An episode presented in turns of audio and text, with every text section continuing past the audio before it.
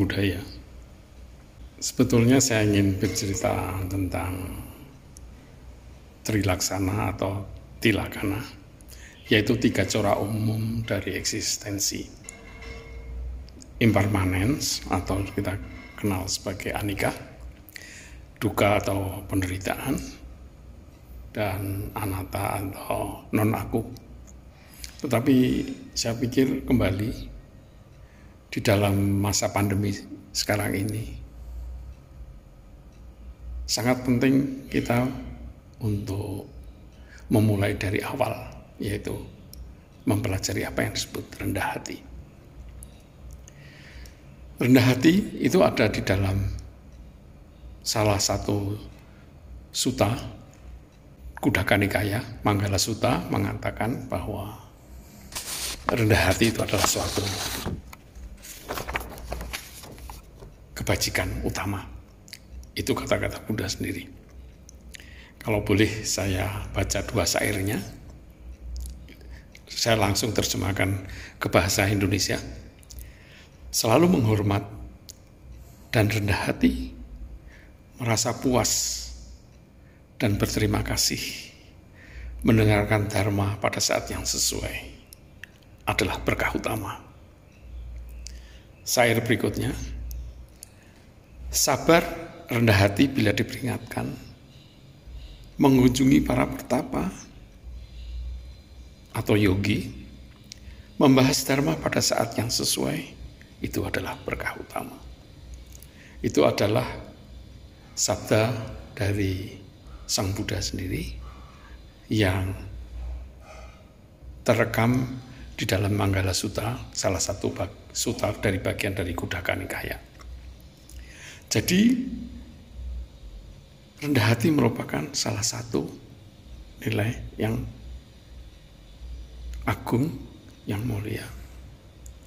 Tetapi kalau saya lihat di dalam paramita, ya, entah itu dari Mahayana ataupun uh, Theravada, tidak disebutkan rendah hati tersebut atau tersembunyi. Karena tersembunyi, maka sering tidak diulas atau dilupakan. Bahkan ada beberapa yang menafsirkan begini. Kalau rendah hati itu saya tekankan, saya ajarkan secara mendalam, dikhawatirkan akan membuat kita rendah diri, Akhirnya kita kurang percaya pada diri sendiri waktu kita berlatih Buddha Dharma. Itu salah beberapa guru mengatakan begitu. Jadi rendah hati itu akan menghambat latihan Buddha Dharma. Sebaliknya dari yang tadi, yang tadi adalah rendah diri, sebaliknya Rendah hati juga kadang-kadang merupakan selubung dari arogansi, kesombongan. Misalnya saya seorang kaya, kemudian mengadakan pesta besar, pesta mewah, mengundang tamu-tamu penting dan segala macam. Kemudian saya berkata, memberikan sambutan, mohon maaf saya hanya bisa menggelar pesta yang sederhana seperti ini. Sekali lagi pesta yang sederhana seperti ini. Padahal pesta itu mewah. Itu adalah untuk menutupi uh, arogansinya atau untuk merendah-rendahkan dirinya sendiri.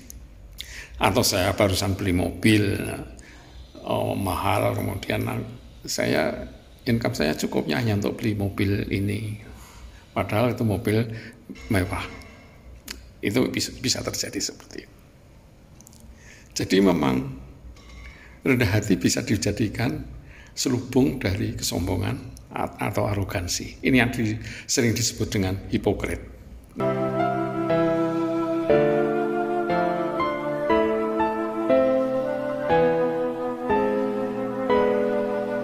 Suatu cerita zen yang menarik tentang kerendah hatian, ya, yaitu di abad 19 atau awal 20 ada seorang Zen Master namanya Nan In.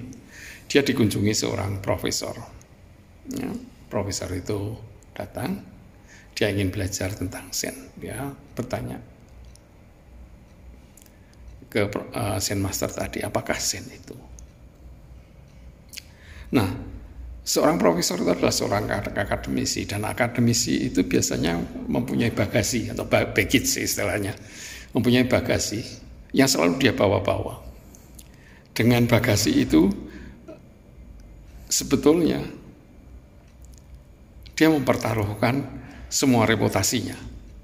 Dia mempunyai kacamata di situ yang harus dia pakai terus untuk mempertahankan reputasinya, namanya. Saya seorang akademisi jadi saya tahu itu. Feeling feeling atau perasaan seperti itu. Tahu ada semacam keinginan untuk menguji. Bukan hanya semata-mata bertanya dengan dengan bertanya dengan sungguh-sungguh tapi ada ada unsur untuk menguji. Itu kebanyakan memang begitu. Nah Zen Master tadi sambil tersenyum dia mengambil cangkir buat dirinya sendiri dan satu buat si profesor itu tadi Kemudian dia bawa teko yang isinya teh. Kemudian dia menuangkan teh tadi dari teko ke cangkir si profesor tadi.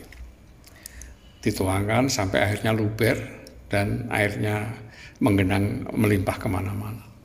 Sampai si profesor itu bingung dan dia bertanya, loh, Senmaster ini, Anda ini mindful atau tidak ini kan sudah luber, sudah tumpah ke mana-mana tehnya. Dengan senyum, Zen Master tadi menjawab, begitu pula dengan mind Anda, dengan batin pikiran Anda. Nanti kalau sudah kosong, barulah belajar Zen. Akhirnya si profesor tadi malu dan pergi. Saya tidak tahu apakah berikutnya dia datang lagi belajar tapi poinnya ialah uh, cangkir atau mangkuknya si profesor itu adalah gambaran dari batin dia. Sedangkan teko itu adalah alam semesta, sedangkan uh, dan tehnya adalah Buddha Dharma, ajaran Dharma yang yang akan dituangkan tadi. Itu yang terjadi di situ. Yaitu ada semacam arogansi yang tersembunyi di dalam kosakata akademisi atau profesi atau status simbol dan segala, segala macam. Jadi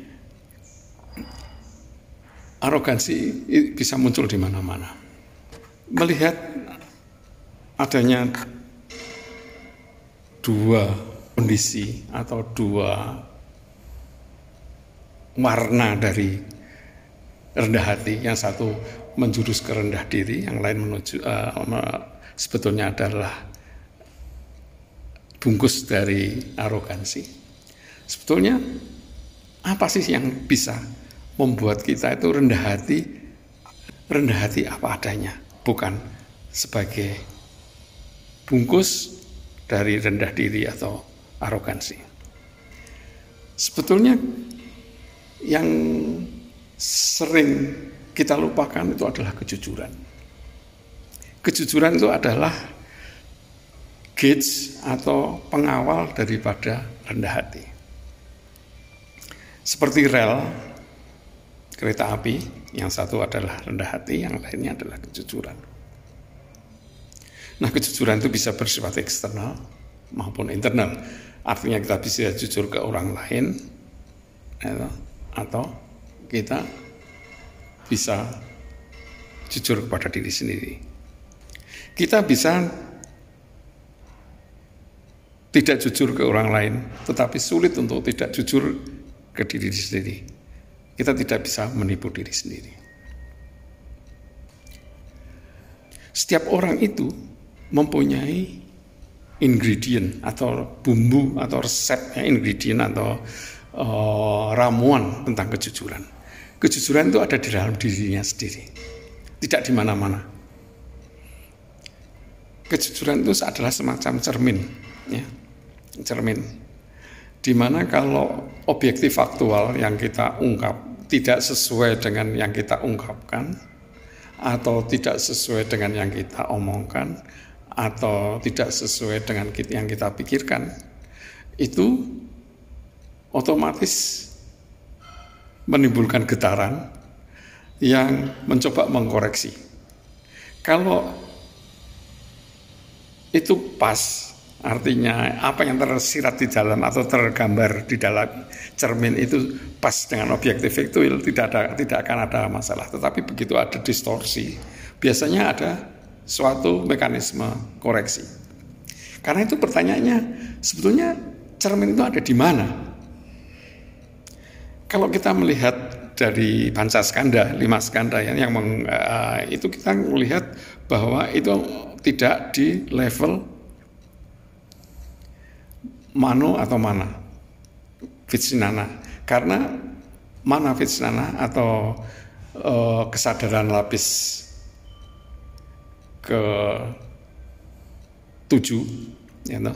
jadi untuk mereka yang bukan Buddhis Ya, di dalam agama Buddha itu kita mengenal ada uh, panca skanda, lima skanda, yaitu lima kesadaran indera. Terus itu namanya rupa, ya, skanda pertama itu lima indera itu. Kemudian yang kedua adalah uh, persepsi, ketiga adalah feeling, emosi, keempat adalah formasi atau sankara. Lima adalah vijnana atau kesadaran. Nah kesadaran itu bertingkat-tingkat. You know. uh, kesadaran dari indera tadi yang lima tadi. Jadi di samping objek material, dia juga mempunyai objek uh, yang bentuknya adalah kesadaran. Kelima, kesadaran keenam adalah pikiran yang mengatur kelima indera ini tadi kesadaran ketujuh adalah mana atau man, mano itu yang mengatur ego kita dan kesadaran yang lebih dalam yaitu uh, ayala wicnana. Nah di situ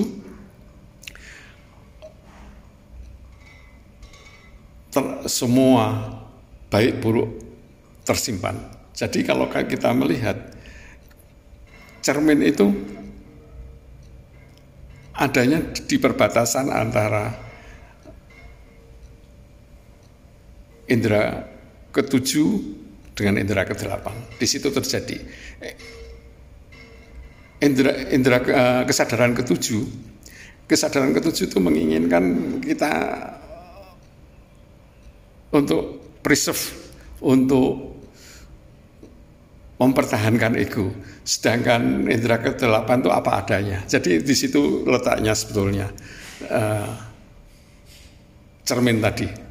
Dan kalau cermin itu tidak klop, uh, itu akan terjadi uh, semacam koreksi secara otomatis. Nah karena itu, karena letaknya itu di dalam kesadaran batin yang sangat dalam, maka itu harus diasah. Cara mengasah yang paling efektif adalah dengan meditasi. Karena meditasi itu selalu melihat ke dalam. Apa hasilnya kalau kita bermeditasi, akhirnya kita menyirami apa yang disebut kejujuran, dan kejujuran itu nanti mengawal rendah hati. Ya. Apa efeknya? Efeknya atau pala atau buahnya adalah kita dengan mudah untuk belajar ilmu atau pengetahuan yang baru. Kita sering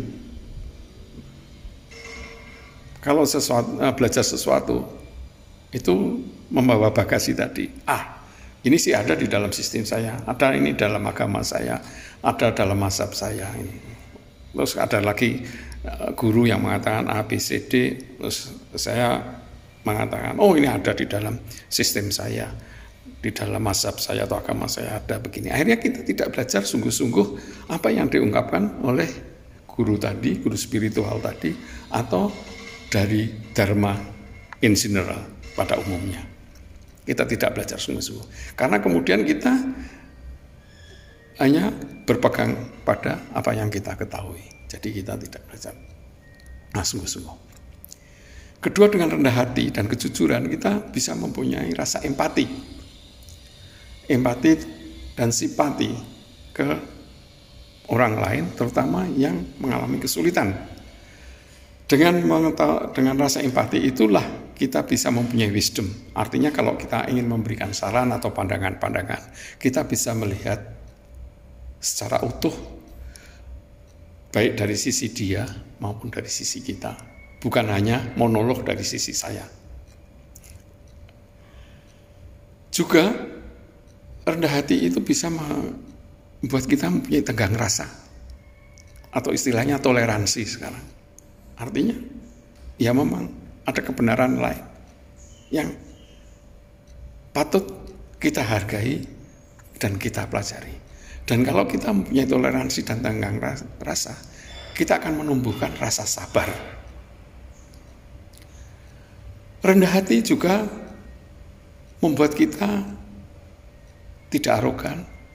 Kalaupun kita menang, itu tanpa ngasorake, tanpa ngasorake.